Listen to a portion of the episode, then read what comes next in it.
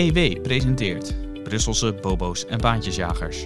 De EU-politiek feitelijk, kritisch en onafhankelijk geduid door Jelte Wiersma, onze correspondent in Brussel. Na maanden van geruzie werd er donderdag 10 december eindelijk een akkoord bereikt in Brussel over de EU-begroting en het coronaherstelfonds. Waarom hebben Polen en Hongarije, die zo lang dwars lagen, hun verzet opgegeven? We gaan het bespreken met Jelte Wiersma, onze correspondent in Brussel. Uit Brussel kwam ook witte rook over de uitbreiding van sancties tegen Turkije wegens illegale gasboringen in Griekse wateren. Ook aandacht voor de meest slepende kwestie van de laatste jaren, de Brexit. Terwijl het nieuwe jaar en daarmee de deadline voor een deal steeds dichterbij komt, werden de Britse premier Boris Johnson en voorzitter Ursula von der Leyen van de Europese Commissie het tijdens een etentje niet eens. Tot slot aandacht voor een opmerkelijk voorstel van D66. Het EU-lidmaatschap vastleggen in de grondwet. Komt allemaal aan bod in deze nieuwe podcast van EW. Mijn naam is Matthijs van Schie. Goed dat u weer luistert. Jelte, hartelijk welkom. Hallo. De vele EU-toppen van de afgelopen jaren en ook zeker het afgelopen jaar hebben vooral voor heel veel ruzie gezorgd en oneenigheid. Maar die van donderdag 10 en vrijdag 11 december leidden eindelijk wel tot een uh, doorbraak. Over het uh, corona-herstelfonds en de EU-begroting in het bijzonder. Waarom zijn de lidstaten dit keer wel eens geworden? Ja, je weet natuurlijk dat Polen en Hongarije die hielden uh, de meerjarenbegroting van uh, 1074 miljard euro voor 2021, 2028 van de EU en het corona-herstelfonds van 750 miljard euro tegen met een veto, omdat zij zeiden uh, er is een voorwaarde ingefietst voor de uitkering van EU-subsidies. Uh, wat betreft rechtsstatelijkheid. En um, die uh, clausule is er inderdaad in opgenomen, mede onder enthousiaste leiding van de Franse president Emmanuel Macron. En met veel steun van de premier Mark Rutte. Om uh, ervoor te zorgen dat in Hongarije en in Polen de langzame afbraak van de onafhankelijke rechtsstaat daar Althans, die heeft nooit echt bestaan daar. Maar goed, die wordt nog verder afgebroken. Uh, de aan, het aan banden leggen van vrije media en nog een aantal van die zaken. Dat dat gestopt wordt, in ieder geval bestraft op het moment dat dit doorgaat. En uh, dat het juist moet worden omgekeerd. Want anders zouden deze landen geen EU-subsidies of in ieder geval minder kunnen krijgen. Nou, Polen en Hongarije die willen dat niet. Uh, hun sterke mannen, Jaroslav Kaczynski in Polen, de sterke man van de PiS-partij, recht en rechtvaardigheid daar. En Viktor Orban, de Hongaarse premier van de partij uh, Fidesz, die keerden zich daar fel tegen. Die zeiden: nee, dit is specifiek bedoeld om ons te pakken. Want jullie vinden het niet leuk wat wij doen met onze hervormingen. Uh, en die hervormingen, zegt zij, en daar zit ook wel wat in, is het uh, uit de rechtelijke macht en ambtenarij gooien van allemaal ex-communisten en andere types waar je vraagtekens bij kan zetten. En, ze, en zij zeggen ook van ja, jullie proberen ons gewoon te pakken omdat wij geen niet-westerse immigranten willen opnemen.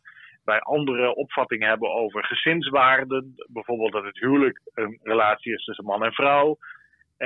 enzovoort, enzovoort. Dus er is een culturele kloof, zou je kunnen zeggen, tussen deze twee partijen, deze twee landen uh, en de westelijke landen. En de westelijke landen zoeken al een tijdje een stok om de Oost-Europese landen, in dit geval Polen en Hongarije, mee te slaan. En aangezien die twee netto-ontvangers zijn van EU-subsidies, Polen krijgt jaarlijks zo'n 10 miljard, Hongarije zo'n ruim 4 miljard euro, dat zijn toch serieuze bedragen voor die landen zeggen uh, onder meer Macron en dus ook Rutte afgelopen zomer tijdens de juli-top van de Europese regeringsleiders. Daar moet uh, een koppeling komen tussen het ontvangen van die subsidies en het respecteren van een onafhankelijke rechter, vrije media enzovoort. Nou, dat is allemaal uh, dus geblokkeerd door Polen en Hongarije in de laatste maanden. Die zeggen, ja, dat willen we echt niet. Nu heeft de Duitse bondskanselier Angela Merkel, die is in het tweede halfjaar van 2020 nu dus EU-voorzitter, die heeft een compromis uit onderhandeld. Ja, en uh, dat is, de, kan je denk ik alleen maar bekijken als een overwinning voor Polen en Hongarije. Ja, want dat compromis, houdt dat dan in dat de Polen en de Hongaren nu een klein beetje gaan hervormen? Of wat moet ik me daar precies bij voorstellen? Het compromis houdt in dat voorlopig er helemaal niks gaat gebeuren. Dus Nederlands belastinggeld, want daar heb je het over, en Duits belastinggeld en Frans belastinggeld, gaat nog gewoon naar Brussel. In grotere hoeveelheden dan het voorheen ging. En dat gaat in grotere hoeveelheden dan voorheen naar Polen en Hongarije. Dus de Nederlandse belastingbetaler gaat meer geld betalen aan de Kaczynski-regering in Polen en aan de Orbán-regering in Hongarije. Nou, dat kun je goed of niet goed vinden, dat laat ik even in het midden. Maar in ieder geval, dat is de realiteit van het compromis. Klinkt niet echt als een compromis uh, voor, voorlopig. Nou ja, de andere kant ervan is uh, dat uh, de kern van die rechtsstatelijkheid eis in het compromis nog wel overeind staat. Maar je moet wel je indenken dat op EU-niveau het altijd zo gaat dat alles politiek is. En alles is ook fluïde. Dus um, er is een heel ingewikkelde procedure bedacht, waarbij uiteindelijk met terugwerkende kracht Hongarije en Polen via de Europese Commissie en het Europees Hof van Justitie, maar uiteindelijk ook nog met een stem van de Europese Raad, dus de regeringsleiders, uh, op een strafbankje kunnen belanden en kortingen kunnen krijgen op de EU-subsidies. E nou, als je die route op papier ziet, dan weet je al dat de komende jaren helemaal niks gaat gebeuren. Want dat is, uh, zoals we eerder hebben gezien met de euroregels bijvoorbeeld, of iets anders. Uh, al die EU-regels die worden niet nagekomen op het moment dat ze door een politieke witwasmachine heen moeten. Nou, en de premier Rutte die zegt nu van ja, ik kan toch wel instemmen met dit uh, compromis. Maar uh, daarmee maakt hij zichzelf eigenlijk belachelijk. Want hij heeft elke keer gezegd: Dit is voor mij een principieel punt. Het is heel belangrijk voor Nederland.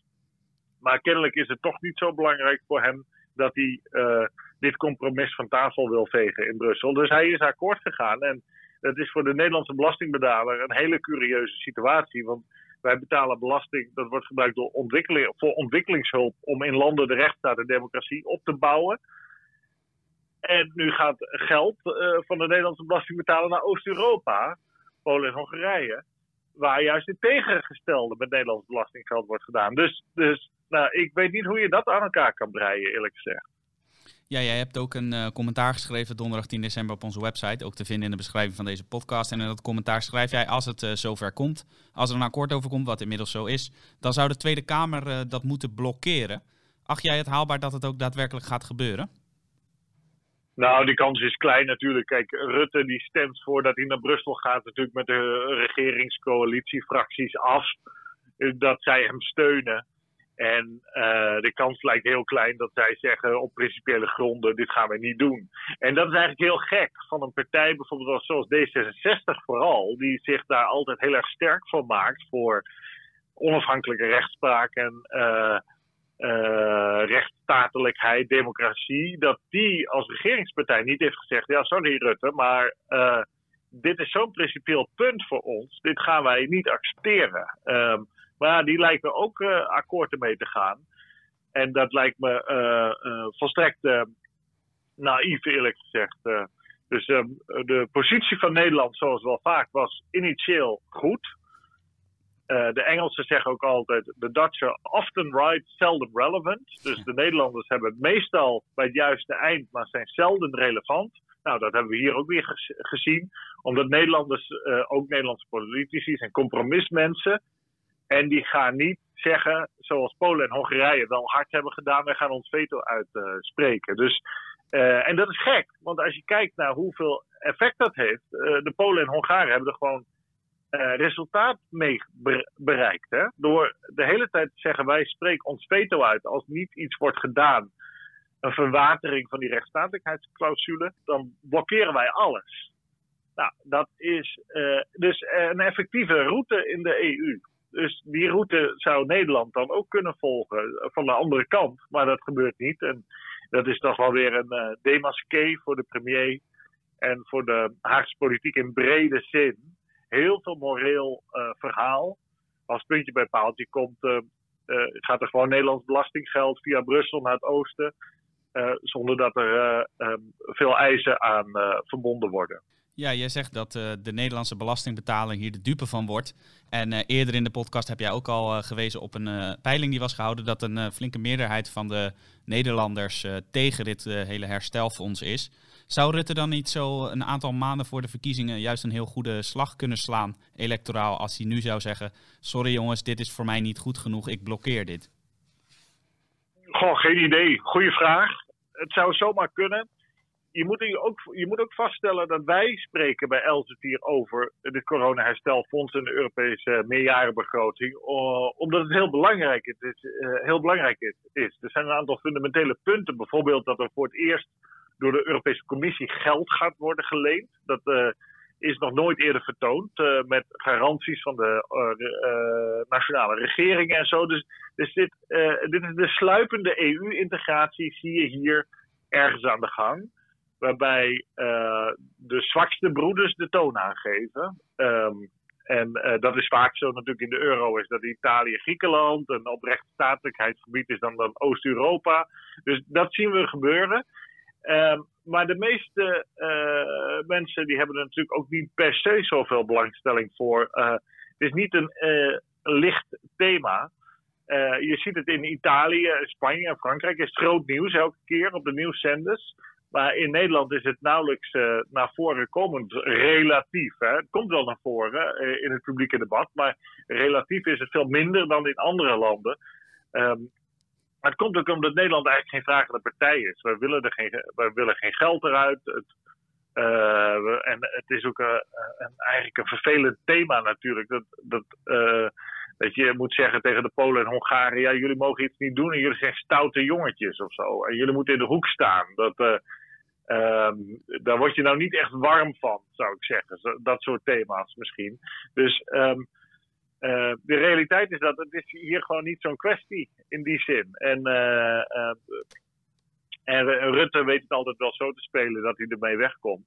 Dus dat is natuurlijk zijn grote talent. Dat hij allemaal dingen doet die hij niet zegt. Of dingen zegt die hij wel doet of niet. Of zeg het maar. En daar toch elke keer mee wegkomt. Dat is meesterlijk van hem dat het meestal niet aan hem blijft pakken. Dus dat zal, vermoed ik, nu ook wel niet gebeuren.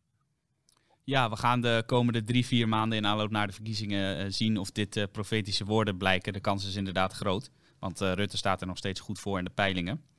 Hey, over de EU-top gesproken, het was voor Brusselse begrippen zeker een zeer productieve top. Want er was ook een akkoord van de regeringsleiders over de sancties tegen Turkije, die worden uitgebreid. Ten eerste, waarom worden die uitgebreid? En ten tweede, wat gaan ze dan concreet doen? Ja, de eerste vraag te beantwoorden. Turkije boort naar olie en gas in Griekse Cypriotische wateren en in Griekse wateren. En zoals we weten, Cyprus, uh, het Griekse deel althans, is EU-lid. Dat is het zuidelijke deel van het eiland Cyprus. En het noordelijke deel waar Turkije ooit een invasie heeft gepleegd, is uh, uh, een Turks sprekend deel. Uh, dat land wordt overigens alleen door Turkije erkend, zo'n beetje, niet door de rest van de wereld. Nou, dat leidt tot allerlei lastige uh, situaties wat betreft grenzen op de zee. Zoals we weten, elk land heeft een territoriale zone om zich heen en een exclusieve economische zone. Dat is 200 zeemijl waarbinnen uh, dat land het recht heeft om um, grondstoffen te winnen. Uh, en andere landen daar dan niks te zoeken hebben. Nou, Turkije die speelt daarmee, die, oh, die kijkt in andermans territoriale wateren. Dat komt ook mede door die Griekse eilanden. We weten allemaal dat de Griekse oostgrens met al die eilanden, die ligt heel dicht bij, de, het, uh, bij Turkse vasteland. En um, ja, uh, Turkije claimt daar allemaal water, een beetje zoals China de Zuid-Chinese Zee uh, claimt. Uh, nou, de afgelopen zomer hebben de regeringsleiders van de EU-landen al gezegd: ja, dat, dat moeten jullie niet doen, Turkije, dat mag niet. dat mag ook inderdaad niet juridisch, maar goed, wat internationaal niet mag, is niet zo relevant. Uiteindelijk gaat alles om macht. Dat benadruk ik, maar, ik elke keer maar weer. En macht is gewoon een recht van de sterkste. En Erdogan, de Turkse president, die zegt gewoon: ja, ik doe wat ik wil. Nou, nu hebben de regeringsleiders afgesproken dat Jozef Borrell, de Spaanse socialistische hoge buitenlandvertegenwoordiger van de EU, met een aantal voorstellen voor sancties moet komen. Dus het principe besluit is genomen dat er sancties worden ingesteld tegen Turkije. Uh, en Borrell moet dan voorstellen doen en die moeten dan nog worden afgehamerd door de ministers van Buitenlandse Zaken van de EU-landen. En dan moet je denken, om op jouw tweede vraag te antwoorden, in eerste instantie aan sancties tegen personen. Dat zie je wel vaak, dat dat de eerste stap is. Want uh, er is een soort stappenplan hè, met een escalatie naar een steeds hoger niveau van sancties. Uh, waarbij uh, meestal wordt begonnen met personen. Dus niet sectoren, economische sectoren of zo, zoals textiel of landbouw, maar eerst personen. En dat zijn dan meestal in eerste instantie personen rondom zo'n uh, macht hebben, zoals Erdogan. En dat kunnen bijvoorbeeld zakenlui zijn die Erdogan financieren of uh, politici of uh, anderszins. Dus, maar dat moet Borrell dan maar gaan voorstellen, dat gaan we zien. Maar dat is de eerste stap. En het kan wel jaren duren voordat die escalatie zodanig is dat daar enige kracht van uitgaat. Want ja, als er een man of tien op een sanctielijst komt, dan zal Erdogan niet wakker van liggen. Nou Erdogan uh, die, die ligt uh, wel wakker van het gedrag van diverse Europese landen. Want de afgelopen jaren heeft hij al zo'n beetje de, de helft van de EU-lidstaten, geloof ik, uitgemaakt voor, voor nazi's, voor fascisten. Dus in die zin zou je ook een, een tirade hierover misschien wel kunnen verwachten. Nou liggen natuurlijk sancties tegen Turkije altijd heel gevoelig. Ten eerste omdat het een NAVO-bondgenoot is. En ten tweede natuurlijk omdat de EU een vluchtelingendeal heeft gesloten met Turkije. Zijn ze er nou niet bang voor in Brussel dat Turkije dan heel eenvoudig uh, dat pressiemiddel kan inzetten van het doorlaten van vluchtelingen? Ja, zeker. Dat hangt elke keer als een zwaard van uh, Damocles boven Brussel. Ik heb niet voor niks mij elke keer gekeerd tegen die EU-Turkije-deal. Uh, waarbij Turkije eigenlijk als de gewapende hand van de EU wordt ingehuurd. Je moet je voorstellen, eigenlijk is uh, Turkije ingehuurd door de Europese Unie als de uitsmijter van de discotheek. Uh, dus er is een feestje en er staat zo'n kale, grote, brede man uh, bij de deur. Met zo'n snorretje. Ja, met zo'n snorretje. Dat zijn de Turken. Die krijgen daar heel veel geld aan voor.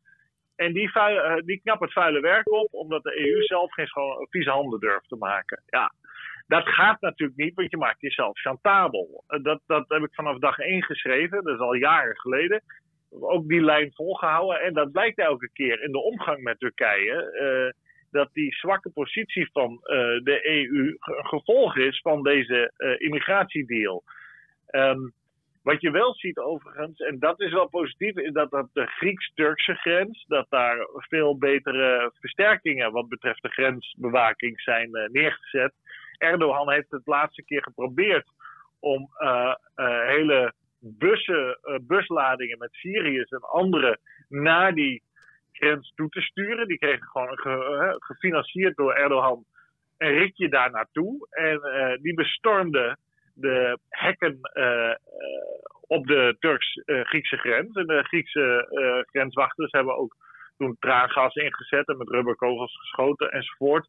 En heel effectief weerstand kunnen bieden daartegen. Maar goed, uh, dus dat was een succes. Maar ja, met al die duizenden Griekse eilanden die vlak voor de kust van Turkije liggen, daar is het een andere zaak. Daar wordt gewoon uh, volop hulp gegeven door de, de, Turkse autoriteiten zo nodig om mensen naar die Griekse eilanden te sturen. En uh, Griekenland geeft een, vracht geld uit aan defensie. Mede wegens de spanningen met Turkije. Maar dat, die wenden ze uh, niet altijd even effectief aan om te zorgen dat mensen niet naar hun eilanden uh, kunnen komen. Dus um, dit drukmiddel dat Erdogan in handen heeft, dat zal hij voorlopig nog wel kunnen gebruiken, zolang de EU, en in dit geval naar Griekenland, de grens niet goed dicht heeft. Dus ehm, kwetsbare positie voor de EU. En ehm, ze hopen uh, in Brussel, dat vertelt iedereen die ik erover spreek, diplomaten enzovoort. Ze hopen dat Erdogan door die eerste lichte sancties uiteindelijk uh, gaat draaien. Want oh, in een volledige confrontatie, dan kan je zomaar uh, zien dat de echte gangsters van deze wereld natuurlijk altijd gaan winnen van de compromissenmakers en de, de moralisten. Dus ik denk dat de EU dan een heel lastige situatie heeft. Nou ja, spannend om te volgen in ieder geval, die, die confrontatie, dreigende confrontatie tussen de EU en Turkije. Laten we ook hopen inderdaad dat de, de vluchtelingenstroom niet zal toenemen de komende weken. Het, het is rustig gebleven de laatste tijd. En natuurlijk hopen dat Erdogan een beetje schrikt van die sancties.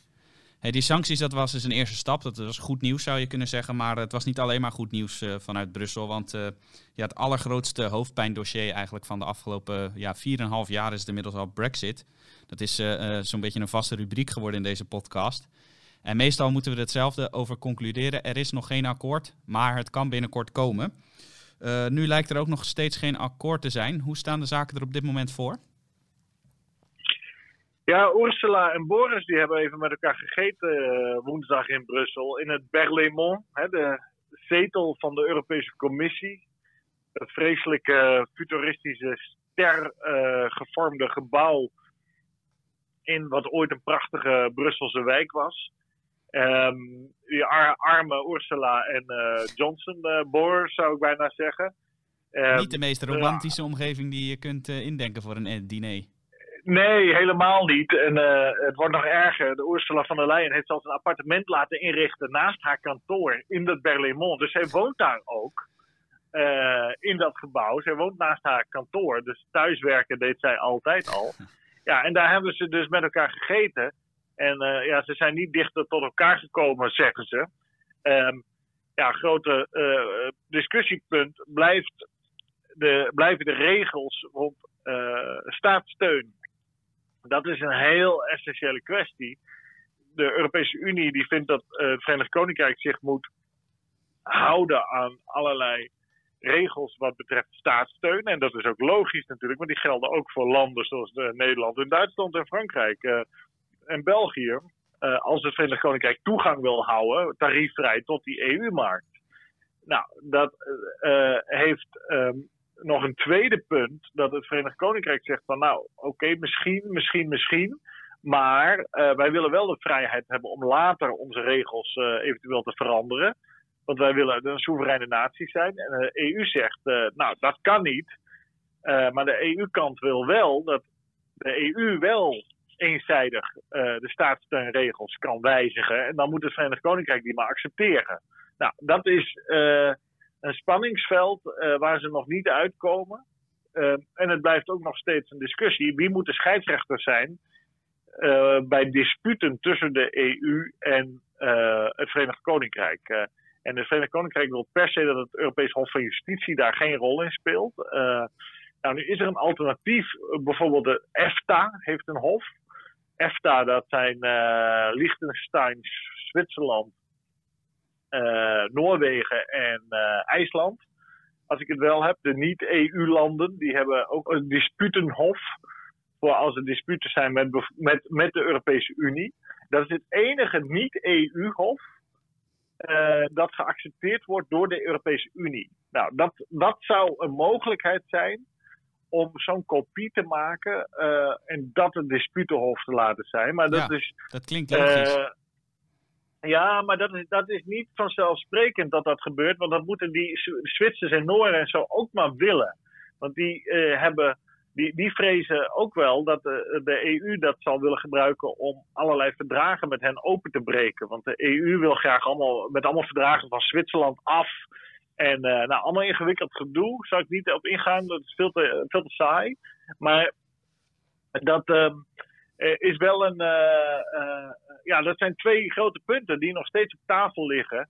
En daar zijn ze niet uit. Dus ze hebben nu een nieuwe deadline afgesproken. Dan zeggen ze, ja, dat is echt de deadline. Zondag. Ja, nou, dat, daar trappen we, we nu niet meer in. Nee, daar trappen we niet meer in. Nou ja, ergens zijn we, er, zijn we er natuurlijk nooit ingetrapt, want in de politiek is, zijn altijd nieuwe deadlines. En wat je nu ziet, is dat er al wordt voorgesorteerd op een no deal. Dus dat er geen overeenkomst komt, maar dat er wel een soort labmiddelovereenkomst komt, die een half jaar gaat gelden, waarbij bijvoorbeeld uh, het vliegverkeer, maar ook allerlei goederenstromen gewoon nog een half jaar vrijelijk door kunnen gaan. En het Verenigd Koninkrijk eigenlijk wat betreft goederen ook misschien nog wel een tijdje langer onder het EU-regime blijft zitten. Waar ze nu nog steeds onder zitten en waar ze in principe op 1 januari onderuit gaan. Ehm, nou, dat is een mogelijkheid. En er is een mogelijkheid dat er inderdaad helemaal een nooddeal komt. En dat er wel een paar landmiddelen zijn, vliegverkeer bijvoorbeeld. En veerboten en zo. Maar dat dat het dan ook is. En dat het Verenigd Koninkrijk echt helemaal los staat van de EU. Nou ja, dat gaan we zien wat er van komt. In ieder geval, wat wel boeiend is. Voor mij is dat je ziet dat het Verenigd Koninkrijk buiten de EU. al allemaal dingen kan doen die ze binnen de EU niet konden. Ze hadden nu bijvoorbeeld uh, de regels aangescherpt voor de uh, hoeveelheid zout en suiker in voedselproducten. Dat komt binnen de EU-regels niet, omdat uh, ja, de landbouwlobby is in de EU heel sterk. En die willen natuurlijk wel hun spullen kunnen verkopen. En nou, dat, dat gaat dus heel. Je ziet dus dat razendsnel allerlei andere wetten kunnen worden aangenomen. Die op EU-niveau elke keer stuk liepen op allerlei lobby's. En dan zie je toch hoe aantrekkelijk dat althans in het geval van het Verenigd Koninkrijk kan zijn om uh, buiten die EU te staan.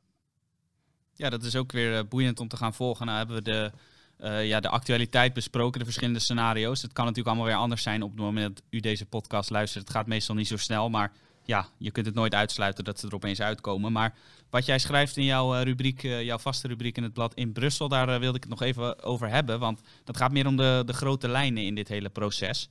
We hebben de twee heren al een keer eerder besproken. De onderhandelaars uh, Michael Barnier en uh, David Frost, respectievelijk van Frankrijk en het Verenigd Koninkrijk. Die onderhandelen over Brexit. En jij zegt eigenlijk deze twee heren.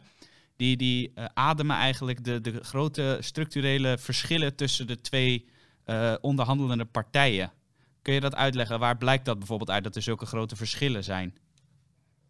Ja, je moet je voorstellen inderdaad dat, dat um, Kijk, we hebben Johnson uh, van der Leyen gehad. Dus dat was zeg maar een wedstrijdje Engeland-Duitsland.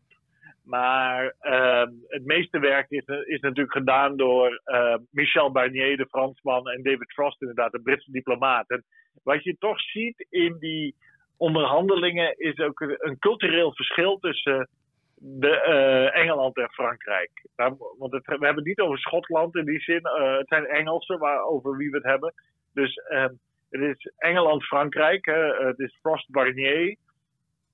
En uh, ja, je hebt de beroemde uitspraak van uh, de Franse filosoof uh, Alexis de Tocqueville. Dat de Engelsen die zien alles heel helder.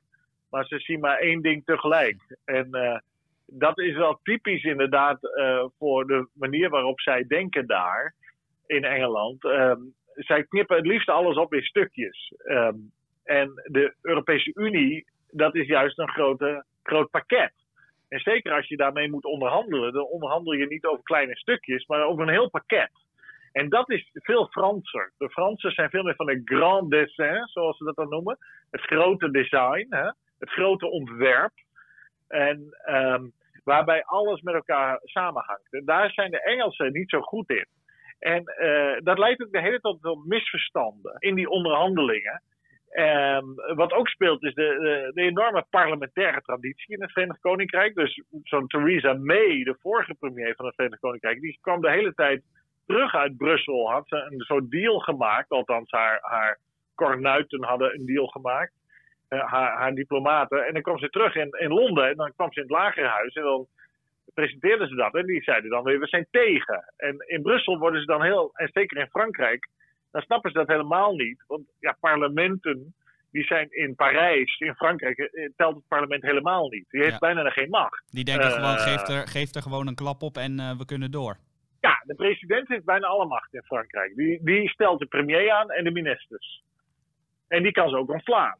En die kan ook verkiezingen uitschrijven en zo. Het parlement bepaalt daar eigenlijk niet zoveel. Het Europees parlement geldt dat ook voor. Dus die, dat is heel lastig voor die, voor die Fransen om dat te begrijpen. Dat zo'n parlement elke keer tegen de premier zegt van ja, dat mag niet. Of dit willen we niet. Dus dat zo'n premier een, een, onder, nou ja, een ondergeschikte is aan het parlement. Dat is in Frankrijk eigenlijk net andersom. En in Brussel ook. Daar, daar is de uitvoerende macht is sterker uh, dan de controlerende macht. Zo heb je eindeloos veel uh, cultuurverschillen tussen die twee. Uh, en de, de, ja, de, de Engelsen, dat geldt ook vaak, die, dat wordt wel gezegd grappend, maar dat is ook wel zo. De Engelsen weten niet precies wat ze willen, maar ze weten wel wat ze niet willen. Ja, en dat is wel lastig onderhandelen natuurlijk. Want dat zag je bij May ook elke keer. Die kwam dan, die vroeg aan, de, aan het Britse lagerhuis: wat willen jullie nou?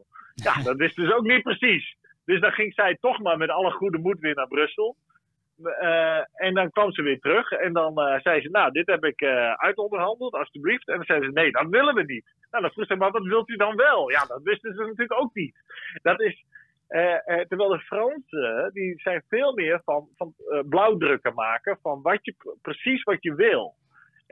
die zijn meer van de tekentafel. Nou, dat, dat is een andere cultuur. En die Franse cultuur is natuurlijk de cultuur van de Europese Unie grotendeels. Want de Fransen uh, hebben die instituties ongeveer bedacht zoals ze zijn. En het recht van de EU is natuurlijk naar Frans recht uh, geschreven. Uh, dus ehm, die, die culturele misverstanden, ehm, die zijn toch heerlijk om te observeren. Ehm, en het wordt onderschat volgens mij hoe belangrijk dat is, dat culturele misverstand. Ja, dat is uh, aardig om uh, te volgen inderdaad. Want bij EW kijken wij nooit alleen naar de, de feiten zoals die op het moment zelf zijn. De, de verschillende scenario's die er op tafel liggen. Maar inderdaad, zoals Jelte wekelijks in deze podcast doet, de, de grote lijnen daarachter, de processen die er spelen. we hopen natuurlijk dat u dat waardeert. En uh, zo ja, dan uh, graag uh, u abonneren op deze podcast als u dat nog niet heeft gedaan. Jelte, we zijn in een aantal landen geweest. we zijn begonnen bij Polen en Hongarije. Turkije en Griekenland hebben we gehad. nu het Verenigd Koninkrijk met de Brexit. Maar laten we in eigen land afsluiten, want er speelt nog wel iets bijzonders. Dat heeft gespeeld de afgelopen week. Namelijk D66, misschien wel de, de meest eurofiele partij van Nederland. Die wil het EU-lidmaatschap in de Nederlandse grondwet vastleggen. Wat vind jij daarvan? Ja, dat klopt. Eh, dat willen ze al een tijdje. Uh, vorig jaar zijn ze al met een voorstel daarvoor gekomen. Maar uh, toen hebben ze dat eerst even naar de Raad van State gestuurd. En de Raad van State zei: Nou, D66, dat heeft u niet helemaal goed gedaan. Wij adviseren u het toch een beetje anders op te schrijven. En ja, wat zij graag willen, is dat er een artikel 95a aan de grondwet wordt toegevoegd. Waarin staat: Het Koninkrijk is lid van de Europese Unie. Um, en de wet regelt de betrokkenheid van de Staten-Generaal bij besluitvorming van de Europese Unie over wetgeving en verdragen. Nou, dan weet iedereen precies waar het over gaat natuurlijk. Uh, Niet zeg helemaal. Ik ironisch, zeg ik ironisch. In ieder geval, uh, wat de meeste ophef natuurlijk veroorzaakt is dat eerste punt. Het Koninkrijk is lid van de Europese Unie. Uh, D66 wil dat dus in de grondwet laten vastleggen. Nederland is nu een van de weinige EU-landen waar, dat, waar niet in de grondwet staat dat het lid is van de EU. Nou, op zich hoeft dat ook niet, want uh, die grondwet in Nederland, dat is een heel raar document. Um, niemand uh, uh, kan ook precies zeggen waar het nou voor dient. Um, het, kijk, in de ideale zin doet een grondwet eigenlijk maar twee dingen het, uh, het, regelt allerlei zaken, bijvoorbeeld de verhoudingen tussen provincie en eh, gemeente en provincie en rijk en gemeente en rijk en een aantal dat soort zaken. Uh, dus de staatsinrichting. En het schrijft op in de ideale zin wat de staat niet mag. Dus het is een beschermer van individuele burgers vooral. Maar de Nederlandse grondwet is, is een, een ratje toe van dingen. Uh, daar zit ook in dat de regering bijvoorbeeld uh, zich moet bemoeien met het bevorderen van uh, de vrije tijdsbesteding van de Nederlander. Dus er staan allerlei opdrachten in aan de regering. Die zijn er in de jaren 70 allemaal bijgekomen. Bij de grondwetswijziging begin jaren 80 zijn die er, zijn die er uiteindelijk ingeschreven. een hele, het is een heel rare grondwet die wij hebben daar geldt ook nog dat die grondwet. We hebben geen grondwettelijk hof. Uh, dus er is geen rechter die kan toetsen of wetten wel deugen aan de grondwet. Uh, uh, het, dat, dat, was ook uh, de opzet, dat het, gelukkig maar, dat het parlement in Nederland altijd de baas is. Dat het parlement is het hoogste gezag en niet de grondwet. Dus ehm, wat die EU dan in die grondwet moet, is in die zin enigszins eigenaardig. Want het, ja, het parlement heeft allemaal vrijheid om te doen wat het wil eigenlijk. Uh, dus um, Het is zelfs expliciet aan rechters verboden om aan de grondwet te toetsen. Hoeveel, dus, hoeveel waarde heeft dan zo'n bepaling die D66 erin wil hebben dat het Koninkrijk lid is van de Europese Unie? Heeft ja, niet, ik, ik, ik ben geen jurist, uh, maar volgens mij helemaal niet. Want je kan gewoon met de klassieke tweederde meerderheid een grondwetswijziging doorvoeren. En um, uh, als wij uit de Europese Unie zouden willen bij bijvoorbeeld normale meerderheid, dan zou dat kunnen en ook niet botsen met de grondwet.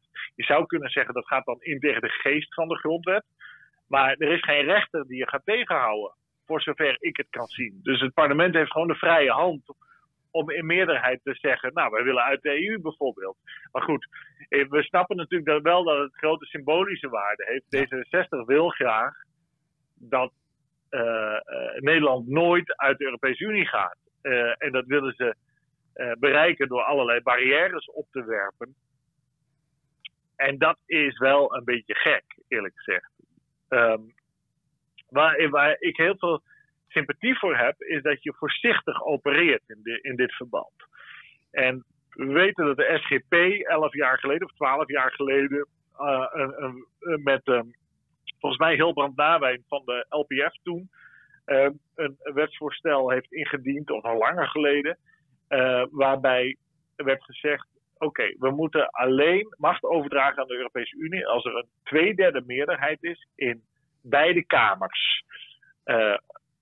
Eerste Kamer, Tweede Kamer. dus we moeten eigenlijk alleen de procedure volgen die nodig is om de grondwet te wijzigen. Want voor een grondwetswijziging heb je twee derde meerderheden nodig in beide kamers.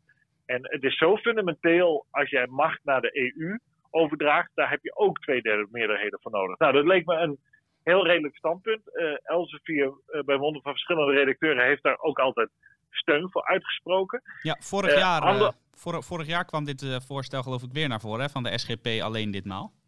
Ja, ehm, en nou, toen is het weggevallen. uiteindelijk is het aangenomen in de uh, Tweede Kamer. Maar de, maar de Eerste Kamer, die heeft het weggestemd. Uh, was een heel, heel treurige dag voor Nederland in die zin. Dus er kan met normale meerderheden kan macht worden overgeheveld naar Brussel. Nog steeds, nog altijd. Nou, um, als dat niet zo zou zijn, was dit SGP-voorstel aangenomen, dan uh, heb ik ook wel sympathie in die zin voor de D66-voorstel. Dat je ook de andere kant op re uh, redeneert. Dat je ook niet met een normale meerderheid uit de Europese Unie zou kunnen. Want um, in zaken dit soort grote beslissingen moet je volgens mij niet met normale meerderheden gaan uh, werken. Dat is zowel niet de kant op van meer EU-integratie als niet de kant op van minder. Dus je moet heel voorzichtig zijn uh, uh, wat mij betreft. En dat is nu niet zo. Het is heel slordig. je kan met, alle, met, met, kleine meerderheden, met een meerderheid van 75 plus 1, kan je van alles doen nu. Dat geeft de par het parlement geweldige flexibiliteit. En dat is ook op zich ook wel goed. Maar um, je kan ook toevalligheden hebben van meerderheden waarvan je zegt van, nou dat is uh, misschien niet helemaal goed doordacht en enige voorzichtigheid is wel geboden. En, ja, de Britten dat... in het Verenigd Koninkrijk is natuurlijk een referendum geweest. Dat is misschien nog wel meer op basis van nou, toevalligheden. Dat, dat precies. Dat, dat, het gekke is wel dat in het Verenigd Koninkrijk dus een nipte meerderheid voor Brexit stemde, maar een ruime meerderheid, twee derde ruim, van het parlement stemde voor Brexit. Dus uiteindelijk is de, de boodschap, wij willen eruit van de meerderheid van de Britse kiezers, is vertaald door het parlement in een tweederde uh, wij gaan eruit. En dat hadden ze natuurlijk niet hoeven doen. Hè? De, de, de politici die, die voor het blijven in het Verenigd Koninkrijk waren, en dat was de meerderheid van de lagere huidsleden, was voor het blijven in de Europese Unie, die hadden natuurlijk kunnen zeggen, wij negeren die referendumuitslag we schrijven nieuwe parlementsverkiezingen uit en dan stellen we ons kandidaat. En dan kunt u op mij stemmen of niet. Dan kunt u mij wegstemmen of niet. En als u mij wegstemt, dan stemt u maar op een kandidaat die wel dit referendum wil respecteren. Dat hadden ze kunnen doen. Dat hebben ze niet gedaan. Dus uiteindelijk is daar wel die tweederde meerderheid parlementair doorgevoerd. Maar ehm, de Engelse situatie, de Britse ervaring leert wel dat grote voorzichtigheid, wat mij betreft, in beide richtingen, meer integratie als ook eruit, uh, niet onaardig zou zijn. Uh, maar goed, D66 wil dat natuurlijk niet. En dan laten ze zich ook kennen. Uh, ze willen alleen maar uh, dat het onmogelijk wordt om eruit te gaan. Ze willen niet dat het ook minder makkelijk wordt om macht over te dragen. Ze willen nog steeds met of dat gewone meerderheden de macht naar Brussel kunnen overdragen. En dat vind ik niet zo sterk van ze. Zeker niet gezien hun geschiedenis ook, waarbij zij als partij altijd hebben gezegd: we moeten zoals ze dat dan noemen, of Van Mierlo noemde dat geloof ik, uh, tunnels naar de machtgraven. Die wilden juist een referenda over bijvoorbeeld het verdrag van Maastricht in 91, 92. Uh, die, die wilden juist dat de bevolking daar meer bij betrokken werd voordat er allemaal maar macht werd overgedragen naar de EU. En dat lijkt me een goede route, want nu is elke keer er een nipte meerderheid, zoals we besproken hebben met Polen en Hongarije corona-herstelfonds. Het zijn kleine, kleine meerderheden waar de, uh, in het parlement, terwijl de meerderheid van de Nederlanders daar eigenlijk, dat eigenlijk niet zit zitten. Uh, en daarmee bouw je iets heel wankels. Je bouwt iets waar geen grote publieke steun voor is. En ja, als de fundamenten niet kloppen, en in een democratie is het fundament altijd de kiezer, dan bouw je iets dat zomaar in kan storten. En dat lijkt me dus gevaarlijk. Dus juist als je pro-EU zou zijn, heel erg pro-EU, zou je moeten zeggen dat bouwwerk moet wel goed in elkaar zitten. Dus we gaan het heel voorzichtig bouwen. We gaan eerst goede heipalen slaan uh, voordat we. En die stevige heipalen zijn dat er twee derde meerderheden in, in beide huizen zijn. En dat er ook grote publieke steun is. Dat we ons daarvan verzekeren. Uh, dan bouw je een serieus bouwwerk. Zwitserland zit zo in elkaar. Dat is een confederatie. Het lijkt eigenlijk wel wat op hoe de Europese Unie in elkaar zit. Maar daar hebben ze veel meer waarborgen in gebouwd. voordat macht van de kan 26 kantoons, de 26 landjes zeg maar, na Bern, wat zeg maar het Brussel is van Zwitserland, kan worden overgeheveld. En dat maakt dat, uh, dat die Zwitserse uh, structuur niet uit elkaar valt. Er wil geen enkel kantoon uit Zwitserland, maar er willen wel landen uit de Europese Unie, zoals we nu hebben gezien met Brexit. Dus uh, uh, dat is toch een teken, eh, teken aan de wand, wat mij betreft. Zeker een boeiend, boeiende kwestie om over te spreken. nog laatste vraag over dat D66-voorstel. Dat is dus in de Tweede Kamer is dat opgeworpen. Uh, is er een kans dat uh, daar een meerderheid voor komt? Of is het puur een symbolisch proefballonnetje waarvan we straks zeggen... nou, dat was een leuk idee van D66, maar direct weer de prullenbak in? Nou, het kan zeker dat er een meerderheid komt. Er waren vooral een aantal fracties die vragen hadden. En de, de, de usual suspects, zoals ze dat dan noemen, die waren natuurlijk tegen. PVV, SGP was tegen... Eh, de GroenLinks eh, voor, eh, D66 als indiener natuurlijk voor. en er is sympathie natuurlijk bij de Partij van de Arbeid, ook wel CDA, VVD. Maar je ziet ook van, is het wel nodig? Van welk probleem is dit een oplossing? Nou, dat is wel vaker de vraag bij voorstellen van politici. Welk probleem wordt nou eigenlijk opgelost? Want er is helemaal geen sprake van dat er in Nederland op dit moment een referendum komt. Waarbij een uitspraak zou zijn: wij moeten uit de Europese Unie. Al was het maar omdat het referendum is afgeschaft door deze regering. Uh, uh, onder aanvoering van een D66-minister notabene.